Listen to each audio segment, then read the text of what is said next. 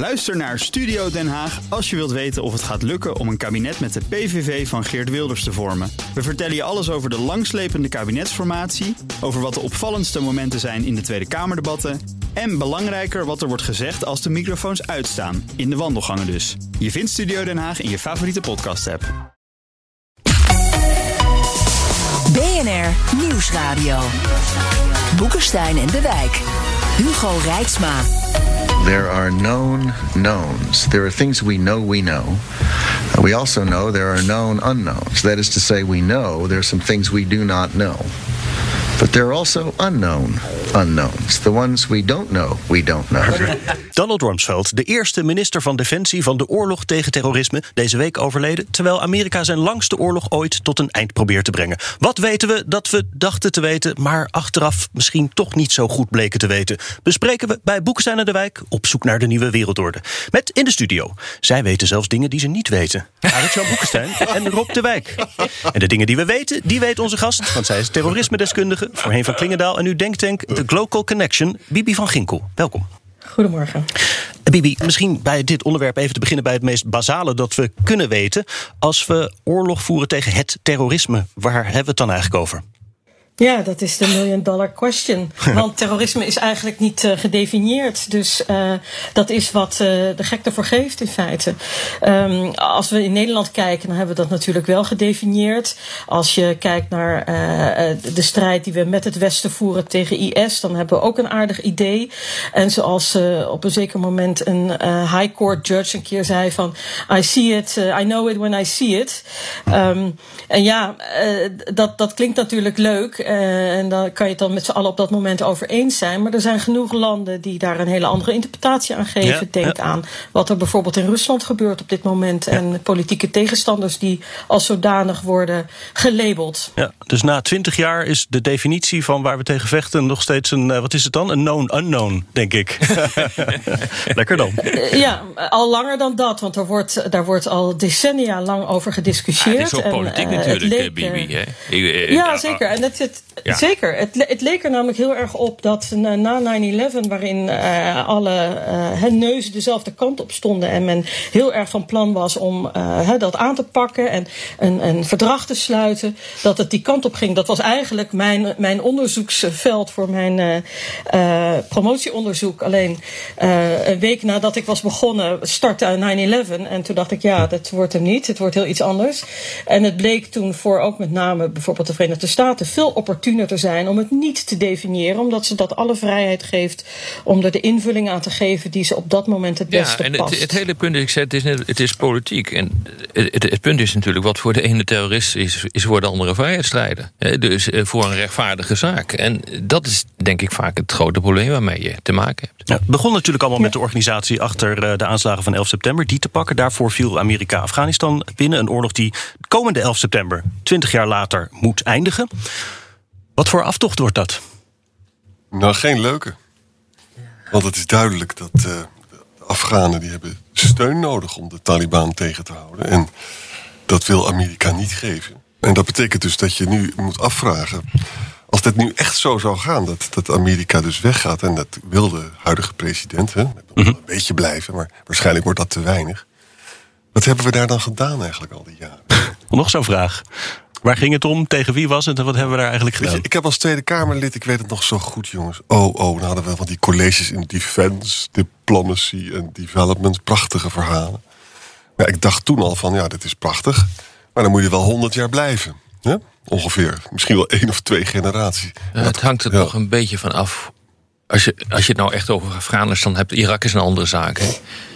Uh, wat enorm succes is geweest, is om Afghanistan uh, te ontdoen uh, van Al-Qaeda en de Taliban in het begin. De eerste vier jaar, ik, ik, ben vele malen in Afghanistan geweest. De eerste vier jaar kon je daar prima op straat lopen. was geen enkel probleem. Dan zie je dus dat. Dus dat was een groot succes. En wat ook een groot succes was, is dat de Noordelijke Alliantie dat deed. Mm. Die heeft de Taliban verdreven met, met steun van de Amerika. Maar de grote overwinning werd geboekt door een Noordelijke Alliantie. Die trok ook Kabul binnen. Dus zo so far so good. Uh, dan zie je dat de uh, Taliban zich gaat hergroeperen. Pakistan komt erin. eh, dan ontstaat er een probleem tussen Pakistan hierover en, en India, omdat Karzai eh, India zou steunen, nou ja, enzovoort. Dan wordt het complex. Eh, en dan, zo na een jaar of drie, vier, begint die Taliban op te rukken. En dan gaat het fout. En dan zie je dus weer dat een jaar of vijf geleden wordt de boel afgebouwd. En wat er zat de afgelopen vijf jaar is ook niet echt indrukwekkend. Kijk, het probleem is altijd te weinig troepen. Er zaten op het hoogtepunt 115.000 uh, mannen in Afghanistan. Nou, ik kan je melden, eh, die, die, die kom je niet tegen. 115.000 man in een land ter grootte van Frankrijk. Dat gaat dus niet. De, uh, en zij eindigden met 10.000 man. Maar die 10.000 waren in die zin belangrijk dat er veel special forces uh, bij zaten. En dus heel gerichte aanvallen konden uit, uitvoeren. En dat dat, dat is wel succesvol geweest. Wat niet succesvol is geweest, daar ben ik ook altijd tegen geweest, was dat krankzinnige idee dat je van Afghanistan een soort Denemarken of Nederland moet zou maken. Hetzelfde land, democratisch, iedereen naar school. Ja, dat gaat natuurlijk niet werken. Hm. Dus het is maar net van welke kant je het bekijkt. Ja, maar precies. Maar het is ook maar net hoe je succes dan definieert. Ja. Want het succes, het korte termijn succes, dat, dat, dat, dat geef ik je mee. Dat, uh, dat was er zeker. Alleen uh, omdat er niet een, een goed lange termijn uh, doelstelling was geformuleerd, niet een, een, een alomvattende strategie van hoe dit zich verder zou ontwikkelen. want nu hebben we in feite een soort meegewerkt aan het waterbedeffect. Van je ja, drukt ergens en dan klopt. druk je het de kop in en dan plopt het ergens anders weer op. Ja. En dat is waar we nu eigenlijk keer op keer in terechtkomen, omdat er niet genoeg nagedacht wordt over lange termijn doelstellingen. En de korte termijn uh, effecten van, van, van militair stevig optreden, dat, dat is zeker daar. Maar als dat niet gepaard gaat met, met andere uh, beleid en, en lange termijn investeringen, dan is dat in feite verloren, verloren werk. Ja, nou ja, goed. Als je, ik, vorige week hoorde ik Karzai in, in Moskou. Die was heel teleurgesteld dat die Amerikanen nu vertrokken... en eigenlijk ook de hele westerse wereld vertrokken. Hij zei, ja, nu staan we er alleen voor en nu worden wij de speelbal van de grootmachten. En daar hebben we dus ook weer geen zin in. Hij zegt, het is altijd wat met Afghanistan. En wij kunnen niet op eigen benen staan en blijven in godsnaam. Nou, we blijven dus niet. En Karzai is geen president meer. Dus ja, weet je... Um, het, het, het, glas is half vol, vind ik, eh, met eh, de hele discussie over Afghanistan. Als je kijkt naar de veiligheidssituatie in grote delen van Afghanistan, die is absoluut verbeterd, zeker in de steden. In grote delen van het platteland uh, regeert de Taliban. En of het vredesproces wat oplevert, dat is volstrekt onhelder. En dat is dus ook geen way out geweest. Ik kijk ook breder dan alleen Afghanistan. Ik kijk ja. naar, hè, zijn we nou opgeschoten met 20 jaar strijd tegen terrorisme? Nou, um, nou ja, we hebben wel wat lessen geleerd, ja. maar uh, we hebben ook even goed, evenveel fouten gemaakt. En komen ook regelmatig weer in dezelfde fouten terecht. Nou, dus dat heeft in die zin, het verhaal van Afghanistan staat in zekere zin een beetje los van het verhaal van hè, de hele strijd tegen terrorisme in zijn geheel. Jawel, maar dan pak je de hele wereld. Dan moet je ook Irak erbij pakken. Uh, dan moet je ook kijken wat er in Europa uh, gebeurt. Uh, dat heeft wel allemaal met elkaar te maken. Want wat we ook weten, een belangrijke les is dat wanneer je ergens mee gaat bemoeien, dat leidt ook gewoon tot terroristische aanslagen. Ik bedoel, maar dat wisten we al in de begin jaren negentig. Maar, maar even, Bibi, mag, ik, mag, mag, ik je een vraag stellen? Gewoon, want ik, ik ben er echt heel. Ik worstel daar zelf ook wel mee. Ik vraag me gewoon steeds meer af, misschien dat ik een oude man geworden ben. wat hebben we daar nou eigenlijk gedaan? En wat hebben die interventies nou opgebracht? Hè? Libië is natuurlijk een ander verhaal, ook een totale ramp trouwens. Maar Irak lijkt me nou geen groot succes. Overigens niet eh, interveneren in Syrië is ook geen groot succes. Hè? Dat moet je ook, die, die nuance moet je ook zien. Maar Afghanistan, wat hebben we daar nou gedaan? Sommige mensen zeiden toen al van... nou, je moet je gewoon richten op, de, op het homeland. Hè? En dan moet je daar proberen mensen te beschermen. En, uh, wat denk je, wat, wat, zou, wat moeten we nou de volgende keer doen als er weer zoiets ontstaat? Dat, uh, in een ver Nou ja, wat, wat wel veranderd is, is dat er uh, zeker direct na 9-11 uh, was het denken heel erg gespitst op, op harde veiligheidsresponsen eigenlijk, op, op dit soort dreigingen. En was men veel minder genegen om, om het bredere plaatje in ogenschouw te houden. Ondanks dat we in Nederland met uh, Defense, Diplomacy en Development uh, dachten dat defensie en militairen wel dat hele complete plaatje konden bieden. Maar dat, dat is niet waar. En sterker nog, dat heeft een, ook nog een, een, een kwalijk effect gehad op NGO's, dus het maatschappelijk middenveld en, en, en, um, en ontwikkelingsorganisaties, die eigenlijk doordat militairen af en toe ook een put sloegen, soms ook aangezien werden voor militairen en daardoor zelf gevaar gingen lopen. Waardoor je eigenlijk die bredere benadering zelf al ondermijnd hebt. Maar langzamerhand door de jaren heen is dat wel veranderd. En uh, is men veel meer gaan denken vanuit een, een, een breed beleidsaanpak, een, een, een comprehensive approach, zoals we dat dan zo mooi noemen, die dus niet alleen op de harde counterterrorism maatregelen uh, inzet, maar ook op uh, het tegengaan van gewelddadig extremisme, maar ook het preventieverhaal van gewelddadig extremisme Ja, en zelfs aansluiting heeft nou gesloten met, met de ontwikkelingstak. Ja, Bibi, en, ik eh, hoor- ik en dat werkt gewoon beter. Nou, dat is niet zo, denk ik. Eh, ik hoor wat je zegt, maar eh,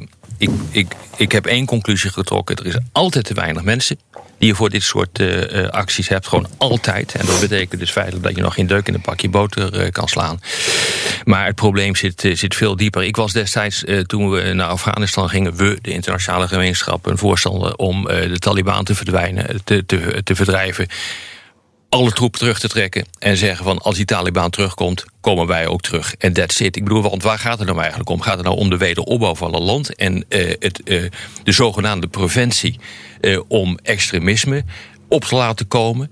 Of, of gaat het nu eigenlijk om het reduceren van de dreiging? Volgens mij gaat het om het reduceren van de dreiging. En je bent gewoon niet in staat. Het kan gewoon niet. Het is gewoon bijna nergens in de wereld gelukt. Behalve in hele kleine landjes, daar lukt het wel.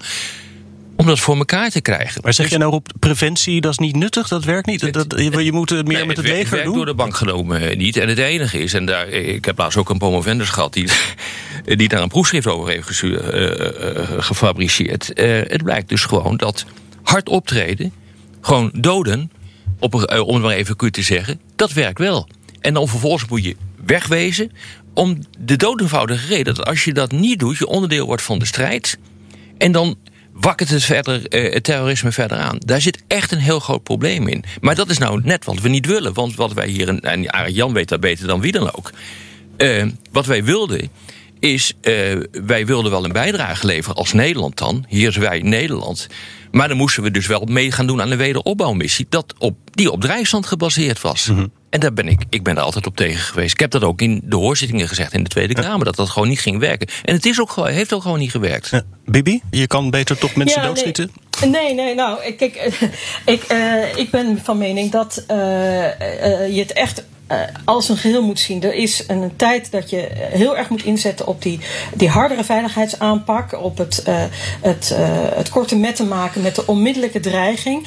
Maar als je dat dan daarna alleen zegt van ik trek mijn handen er weer van af en ben weg, Nee, dan zal het probleem zich niet oplossen. Nee, ja, maar ondertussen dan is dat dus toch, geen duurzame oplossing. Want Nee, dat blijft, doet, blijft maar, maar. Bibi, geef mij één voorbeeld van een duurzame oplossing in de wereld. Eh, nou ja, kijk, zijn. Pardon? Tupperware dozen. Ja.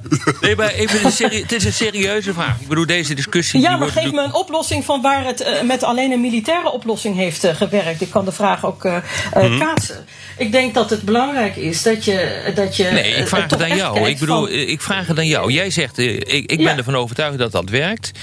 Eh, Nou we weten, we weten in een aantal gevallen dat inderdaad. van preventie. En ik kan je melden, Want- bijvoorbeeld IS is een mooi voorbeeld. Dat is gewoon puur kinetisch, zoals dat eh, bij militair heet, gewoon. Grof geweld eh, gebruiken, niks geen wederopbouw. IS is eh, verdreven uit, het, uit grote delen van het Midden-Oosten. Gewoon puur alleen maar door geweld toe te passen. Nou, nou jij weer. Nou, en die zitten dus nu vervolgens in verschillende Klopt. landen in Afrika. Klopt. Die trekken terug naar Caucasus Klopt. en het Zuidoost-Azië. En daarmee is het probleem het dus niet Nee, verdwenen. maar het is en wel het is ook beheersbaar zo geworden. dat heel veel van dit soort mensen die zich aansluiten... in een hoek gedreven zijn en niet echt een keuze keuze hebben. Omdat een overheid faalt. Omdat die niet de service delivery biedt die ze hebben. En omdat ze dus daardoor geen weerbaarheid hebben. En preventie is erop gericht dat je een bevolking weerbaar maakt tegen uh, dat soort invloeden. En dat zodat gaan ze wij niet doen? in de hoek gedreven. Dat, daar dragen we aan bij En als dat gaan wij internationale doen? gemeenschap. Dat eh, klopt ook gezien. allemaal. Maar mijn punt is, mijn punt is, Bibi, wij Westelingen kunnen niet de verantwoordelijkheid nemen voor de wederopbouw van hele grote delen van de wereld. Dat is het hele punt. Daar hebben we de middelen niet voor, daar het geld niet voor en daar hebben zeker het geduld niet voor. BNR Nieuwsradio. Boekenstein en de Wijk. Op zoek naar de nieuwe wereldorde. Dit is Boekenstein en de Wijk. En dat programma is natuurlijk niet zonder Arjan Boekenstein en Rob de Wijk. Mijn naam is Hugo Reitsma en onze gast is terrorisme-expert Bibi van Ginkel. Ik heb net even zitten meeschrijven met de dingen die we na twintig jaar nog niet helemaal helder hebben. En dat is de definitie van terrorisme, de doelstellingen en wat succes is.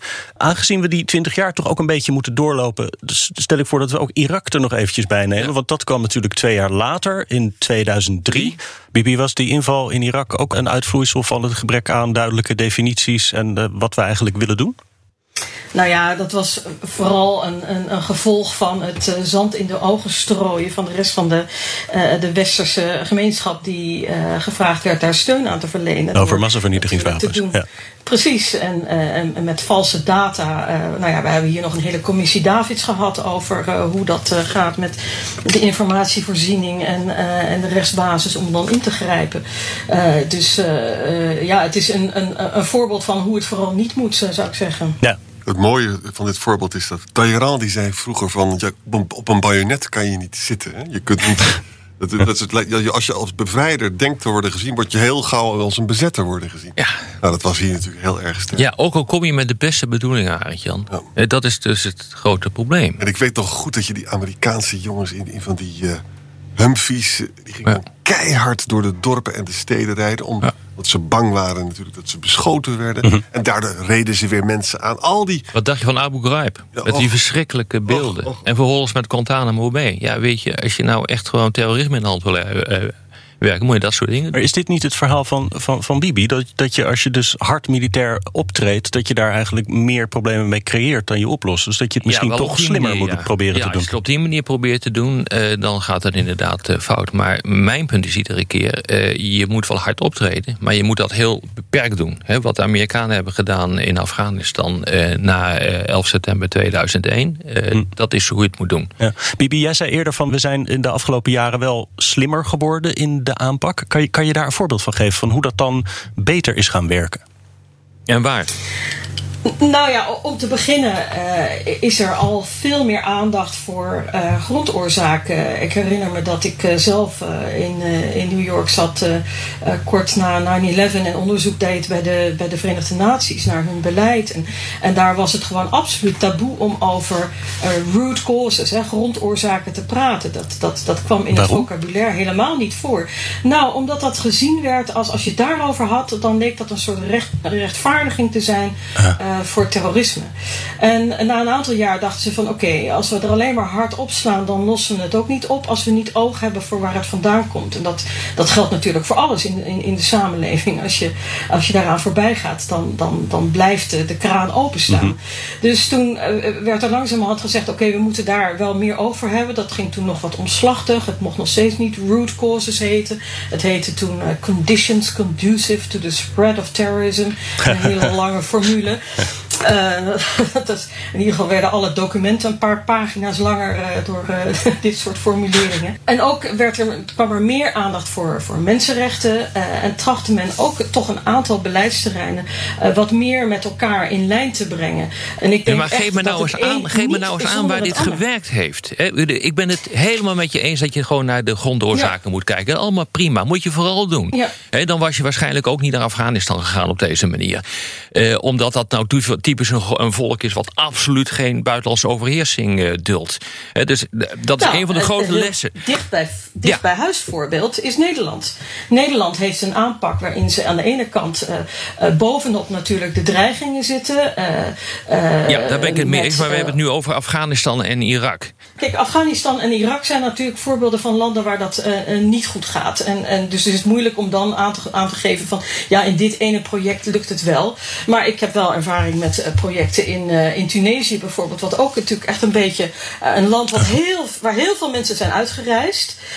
een land wat de, de Arabische lente heeft doorgemaakt. Een land wat dus echt van een bijna dictatoriaal regime over moest naar een, een regime wat, hè, dus een meer democratisch regime. Met, met alle groeistuipen die daarbij komt kijken. En waar ik toch door de jaren heen heb gezien dat er binnen de overheid een ruimte kwam voor een bredere visie. Waar ze in ook zeiden van. Geldt ook voor we moeten ook met religieuze zaken gaan praten, met onderwijs. We moeten met jeugdzaken gaan praten. We moeten oog hebben voor democratie, voor het tegengaan voor corruptie, wat een hele Mhm. belangrijke factor is van radicalisering. En waarin we ook, en de volgende stap was niet alleen maar binnen de overheid met elkaar praten, maar ook met maatschappelijke organisaties. En in het begin was dat echt niet mogelijk. Ik heb het echt in verschillende fases zien verbeteren. En dat is nog niet perfect, maar het is wel het gevolg van een aanpak die dus een, een bredere visie heeft op het geheel. Uit Maar Bibi, nog even om het te verbreden. Dit is eigenlijk, eigenlijk gewoon ontwikkelingssamenwerking Ja. met Tunesië en Marokko. En dat, en dat werkt inderdaad beter Nee, als het je. is alle twee.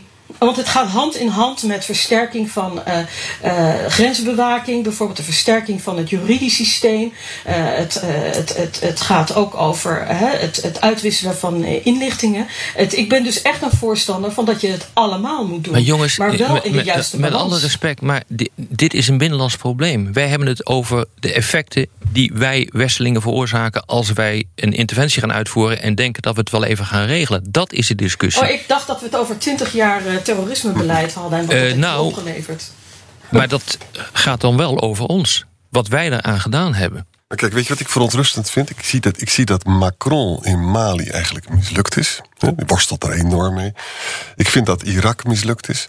Ik vind dat Afghanistan, ja, als- als we daar weggaan, dan denk ik dat de Taliban daar gewoon wint. Ik denk dat er ontzettend veel ruimte is voor nieuw denken. En zowel de militaire oplossing als ook de, weet je wel, de, de, de concerted approach.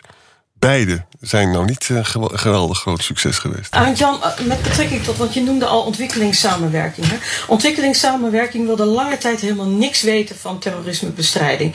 Sterker nog, als je daar aan tafel kwam en het woord terrorisme liet vallen, nou, dan liepen ze al meteen de kamer uit. Eh, eh, UNDP precies hetzelfde, wilde daar niets van weten. En dat, dat heeft geduurd tot zo de jaren eh, zo 2015, zo laat pas, dat ze langzaam begonnen in te zien dat als ze geen oog hebben voor de problemen die in zo'n samenleving zitten, dat dat uiteindelijk ook ondermijnend werkt voor hun ontwikkelingsinspanningen. Dus toen kwam er uiteindelijk bij de OECD een, eh, een rapport waarin ze zeiden van eh, ja, we, we moeten dat wel onderkennen. Gewelddadige extremisme in een samenleving ondermijnt eh, wat we daar anders allemaal willen bewerkstelligen. Mali, perfecte voorbeeld, was echt zo'n donor child, eh, poster child. eh, en, en, en dat viel uiteindelijk helemaal in elkaar. En toen hebben ze gezegd, alles wat op preventing violent extremism wordt eh, ingezet, is nou ODA eligible. Dus dat wil zeggen dat het eh, ook als ontwikkelingsaspecten kunnen worden ingezet, maar dan dus wel met meer oog voor die ondermijnende veiligheidsconcerns, dreigingen. En, eh, en, en, en het andere wat ze op een zeker moment hebben onderkend, dat was een rapport van de Wereldbank, eh, die zeiden van het is niet meer alleen maar echt de armste van de armsten waar ze ons moeten op richten, maar we moeten ook kijken naar perceptions of poverty. Dus hoe mensen het ervaren. Want juist de ervaring, dus de relatieve ervaring van hoe achtergesteld je hebt, is vaak eerder de grondoorzaak dan de armoede zelf. En dat soort inzichten heeft ervoor gezorgd dat vanuit die hele ontwikkelingssamenwerking ze ook wel een buiging hebben moeten maken naar de veiligheidstak, zou ik maar zeggen. Eh, die hebben gezegd van we hebben echt elkaar nodig. We moeten meer met elkaar optrekken, van elkaar leren. Om te zorgen dat we elkaar kunnen versterken in, in wat we willen bewerkstelligen. Dus dat soort veranderingen heb ik wel degelijk gezien in de afgelopen twintig jaar. Ja. Na twintig jaar dus nog veel open vragen over duurzame oplossingen. Behalve die van Arjan over Tupperware. op de radio ronden we af, maar in de podcast gaan we door met luisteraarsvragen. Luistert u op de radio, dan verwijs ik naar Apple Podcast, Spotify of boekensijnendewijk.nl. En ik proef wat cynisme onder de vraagstellers eh, die via Twitter eh, tot ons kwamen. Ik kan me wel voorstellen. Bijvoorbeeld Bobby Jagernat, die zegt... 20 jaar oorlog tegen terrorisme is ook 20 jaar goed geld verdienen... en 20 jaar volop werkgelegenheid. Kan de wereld nog wel verder zonder de aanwezigheid van het terrorisme? En vraag 2, mag je stellen dat alleen de gewone burger... baat heeft bij geen terrorisme? Bibi, herken jij dit soort, eh, dit soort gevoelens over... ehm, Twintig jaar strijd Nou. tegen iets ondefinieerbaars? Nou, kijk, het is wel zo dat het, er is zo'n hele industrie op gang gekomen hè, rondom eh, terrorismebestrijding. Dat heb ik ook wel eh, gezien in, eh, in, in de twin- meer dan twintig jaar dat ik me met deze onderwerpen bezig houden. Dat, je, dat, dat iedereen die opeens zich iets met counterterrorism en countering violent extremism vijf minuten geleden begonnen met dat onderwerp zich al opeens expert noemt en tracht Ja. allerlei projecten binnen te halen. Dus al die five-minute experts, zoals ik ze noem. dat is zeker een, een industrie. Ehm, ja, zijn we. eh, Uiteraard zijn we beter af zonder. eh, het is wel heel cynisch om te denken dat we eigenlijk moeten overleven met terrorisme. om onze ook economie overeind te houden. Nee, als het gaat om wapen aankopen, eh, dan, dan is er een glorieuze toekomst hoor. Met, met de opkomst van Rusland en China en eh, de hele discussie over hoe we ons daar moeten verdedigen met vergatten van Nederland en eh, het Verenigd Koninkrijk die in, in de Zwarte Zee worden bestookt. Ja, nee, ik bedoel, dit is gewoon te cynisch en ik bedoel, ja, nee. Eh, dat, is, dat zijn de oude denkbeelden over het militair-industriële complex. Ja, ja, ja, dat herkenbaar, er niet ja. al te veel druk om maken. Wishmaster vraagt: Is de les niet begin nooit een exercitie die je niet kunt beëindigen? Known knowns. We hadden Irak nooit moeten aanvallen. Nou, dat hangt er vanaf hoe je het doet. Eh, eh, wat ik zeg, het begin van, eh, van Afghanistan was best oké. Eh, en het was hartstikke rustig, maar vervolgens ging het fout. Eh, het, probleem is, en, eh, en daar, daar zijn gewoon echt hele harde lessen en conclusies uit te trekken uit de afgelopen jaren, wat je wel en wat je niet kunt doen met interventies.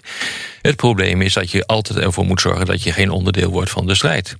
En als je dat wordt, dan kun je alles doen wat Bibi zegt... met allemaal prachtige programma's, maar dan gaat het gewoon niet werken. En daar, dat is een keiharde les van de afgelopen twintig jaar. En ja, dat die, die, die les willen mensen niet, eh, niet werken. En ik kom ook terug op wat ik eerder zeg. Er zit natuurlijk ook, nou ja, dat heeft misschien ook wel iets te maken met de hele industrie die erachter zit. Maar er zit ook iets idealistisch achter van, nee, we moeten dat op een andere manier doen. Maar het probleem is, je wordt onderdeel van de strijd en dan gaat het fout. En dat betekent, dat laat onverlet dat je inderdaad in Tunesië en dat soort landen gewoon moet proberen in te zetten om de boel daar eh, enigszins eh, te ontwikkelen. Helemaal mee eens. Maar dat is echt een heel andere discussie. Ook als je, als je zo'n exit-strategie is natuurlijk heel belangrijk. Die is een goede vraag. En als je dat toepast op die Noordelijke Alliantie. Dat was de exit-strategie. Ja. Maar het probleem was natuurlijk dat de Noordelijke Alliantie in zichzelf was ook niet representatief genoeg. De Taliban had natuurlijk alle reden om daar te blijven vechten. En het tweede probleem is dat Afghanistan ligt dus aan, aan Pakistan en ook met India. En is onderdeel van dat conflict ook. En dat is ook een fantastische manier om het alles te doen laten mislukken. Omdat Pakistan daar natuurlijk interveneert. Ja. Hè? Dus het eerlijk gezegd, als je Wat dus ze ook erkend hebben. Hè, ze Jan. ook erkend In hebben. een interview in 2017 eh, heeft volgens mij de premier dat erkend van, eh, van Pakistan. Hm. Balansdenker zegt eh, de salafisme-export van Saoedi-Arabië, het interveneren in Irak, Libië en Afghanistan, het steunen van de verkeerde rebellen in Syrië is het probleem zelf gecreëerd door met name de VS. Zou stoppen met interventies en het aanspreken van Saoedi-Arabië de oplossing zijn? Bibi, is dat een voorbeeld van Ja. een slimmere aanpak misschien? Nou ja, ja maar dat, dat geeft, wat een beetje in die eh, vraag verscholen ligt, is het feit dat er, dat er vaak een enorme dubbele moraal eh, is bij, eh, bij het Westen. Dus eh, er wordt natuurlijk toch ook in de eerste plaats vanuit eigen belangen vaak gedacht. En in de tweede plaats een beetje in wat de effecten daarvan kunnen zijn. Want er, er, vanuit eh, het Westen zijn er natuurlijk allerlei relaties met, met Saoedi-Arabië en andere landen waar je duidelijk je vraagtekens bij kan zetten gezien hun, eh, hun hele reputatie. En daarmee onderhoud je wel eh, het deel van, van het, het probleem. En dan vervolgens eh, wordt er natuurlijk hard op de trom geslagen als er blijkt dat er toch allerlei financiële stromen naar financiële stromen naar moskeeën en madrassa's en dat, dat soort dingen gaat. Dus ik snap die vraagsteller heel goed. En wat ik ook zelf belangrijk vind van interveneren is dus uiterst problematisch. Maar niet interveneren. Want eigenlijk hebben we in Syrië we hebben verkeerde dingen gedaan en zo. Maar we hebben nauwelijks geïnterveneerd. Hè. Dat brengt dus ook niet het paradijs. Hè. En dat le- leidt ook niet tot stabiliteit. Nee, en het dat- leidt ook tot heel veel resentment bij mensen van jullie hebben ons laten zitten. Ja. Dus dat is eigenlijk de echte ware benadering van, van, van de wereld. Maar dat alles, wordt wel de norm, Arend Jan. Ja, alles is nergens meer een onvolkomen. mandaat voor met die veranderde wereldorde. Van de, de Russen en de Chinezen die blokkeren echt alles in de VN-veiligheidsraad. Dus je krijgt nooit meer een mandaat Exact. om dit soort operaties uit te voeren. Dus het is gewoon een kwestie van indammen, zorgen dat het, eh, dat het niet overborrelt naar andere landen, naar een regio. Dat soort dingen ga je krijgen. En eh, Ja. deze discussie die we nu voeren, hè, de, grootste, de grootste discussie, of de grootste conclusie is wel dat we dit waarschijnlijk op deze manier nooit meer gaan doen. Omdat we daar ook gewoon de steun niet van krijgen van de internationale gemeenschap. Het leidt nu niet alleen tot een clash met de lokale bevolking, maar ook met landen als Rusland en China. Nou, dat is gewoon wat je niet wil. Nou, misschien hebben we toch iets geleerd. Nee, maar maar, zou mooi maar zijn. Bibi, dit heeft gewoon te maken met, niet met lessen, maar dit heeft te maken met de dynamiek van de internationale betrekkingen. Eh, dit heeft te maken met de opkomst van eh, Rusland en China. En twintig jaar geleden was dat niet aan de orde op de manier waarop dat nu aan de orde is. Gert Hengelaar vraagt: waar moeten we het meest op bedacht zijn? Eh, Poetin die de olie- of gaskraan dicht kan draaien, Xi die met de nieuwe zijderoute onze economie bepaalt, of de sheiks die islamitische terroristen financieren? Wat is hier eh, risicovoller? appels, peren, bananen. Ja. Dus allemaal in die fruitmand die eh, bedreigingen heten. Dus eh, ja. Nou ja, ik denk eh, de grote geopolitieke eh, veranderingen en de opkomst van Rusland en de assertiviteit van, van, van China, ik bedoel, die worden bepalend voor de toekomst. En we zullen dan zien dat terrorisme, dat dat gewoon een zijshow is. Eh, dat, gaan we gewoon, dat gaan we gewoon krijgen. En ook, ook Rusland en China, die moeten weinig hebben van dit soort terrorisme. Dus dit is nog een van de weinige met, onderwerpen waar het Westen met Rusland en China gezamenlijk kunnen optrekken. Maar drukt bijvoorbeeld de opkomst van China terrorisme als onderwerp naar de zijlijn? Ja, dat denk ik wel, ja. Dat gebeurt nu al. Ja. En realiseer Met, dat met we. de rare bijsmaak dat zij natuurlijk een, een bepaald beleid eh, voeren ten opzichte van Ja. de Oeigoeren. Ja. Eh, Ja. wat, eh, wat echt zeer verontrustend is. Ja, welkom in de grote mensenwereld. Ja, maar dat is dus ook weer zo'n kwestie van hoe de definitie voor terrorisme politiek is. Ja, Tot slot dan, eh, Mark Houben eh, zegt... het lijkt erop dat de fourth wave... het religieuze terrorisme in het Westen enigszins op zijn einde loopt. Waar zou een vijfde wave van terrorisme zich op kunnen richten? Pro-klimaat, anti-China, anti klimaat zou wel eens een goede zijn. Ja. Ja, ecoterrorisme, maar we zien ook natuurlijk de opkomst van eh, far-right, eh Ja. hè, rechtsextremisme. Ja. In, in, eh, echt heel bijzonder in eh, de Verenigde Staten hebben ze sinds kort eindelijk een strategie eh, aangenomen ten aanzien van eh, domestic eh, eh, terrorism. Eh, dat bestond gewoon niet lange tijd. Dus dat werd volledig eh, ontkend Ja. dat dat een probleem was Ja. in de Verenigde Staten. Ja, je hebt gelijk. En dat geldt ook steeds meer eh, hier in het Westen. En overigens het islamitisch terrorisme eh, niet meer zozeer hè, in, in Syrië, in Irak. Maar zoals ik eerder ook al zei, het verplaatst zich. Hmm. En de vraag is dan wel in hoeverre we wij daar in het eh, Westen eh, last van hebben. Op de manier zoals we dat hebben ervaren met Syrië en Irak. Nou, en daar gaat het natuurlijk gewoon om. Dat, ik vanuit het perspectief van westerse politici en westerse publieke opinies is dat, waar, is dat wat telt. Ja, en en, en eh, in een land als Nederland helemaal gelijk heb je met eh, je eerdere opmerkingen over allerlei programma's die hier zijn eh, gestart om ervoor te zorgen dat eh, eh, je hier de boel een beetje zus, maar realiseer je dat eh, ook de inlichtingendiensten natuurlijk oneindig veel beter zijn geworden de afgelopen eh, jaren. Eh, dus je kunt, je kunt hier ook het probleem iets meer, iets eerder signaleren. We zien dat COVID oploopt in Afrika nu. Hè? En dan krijgen daar ook nieuwe mutanten. Ja. Dat, ik zou dus, als ik een Afrikaanse terrorist zou zijn, zou ik, zou- zou ik me daar kwaad over maken. Dat wij die vaccins zo hebben verzameld. Hè? Dat zijn dus weer nieuwe argumenten. klopt. Hè, Ja. om, eh, om, om nee, dat klopt. Er worden ook al bij de VN maakt, maakt men zich daar zorgen om eh, dat dat eh, ook nieuwe grondoorzaken worden Ja. voor eh, terrorisme. En bovendien de organisaties die daar wel actief zijn, terroristische organisaties, die organiseren zich heel slim. Ook op een manier dat ze soms juist wel ziekenverzorging kunnen leveren, daar waar een overheid achterwege blijft. Dus die spelen heel erg slim op dat sentiment van de Ja. bevolking in. En daar moet je dan dus toch misschien proberen die grondoorzaken aan te pakken. Kan ik mij voorstellen. Daar toch weer bij terug, ja. Dit was weer Boekenstein en de Wijk. Namens Arjan Boekenstein en Rob de Wijk zeg ik dank voor het luisteren. Speciale dank aan Bibi van Ginkel. En tot volgende week. Ook Hugo Reitsma vind je in de BNR-app. Superhandig die BNR-app. Je kunt alle programma's live luisteren, breaking nieuwsmeldingen. Je blijft op de hoogte van het laatste zakelijke nieuws. En je vindt er alle BNR-podcasts, waaronder natuurlijk de belangrijkste, Boekenstein en de Wijk. Download nu de gratis BNR-app en blijf scherp.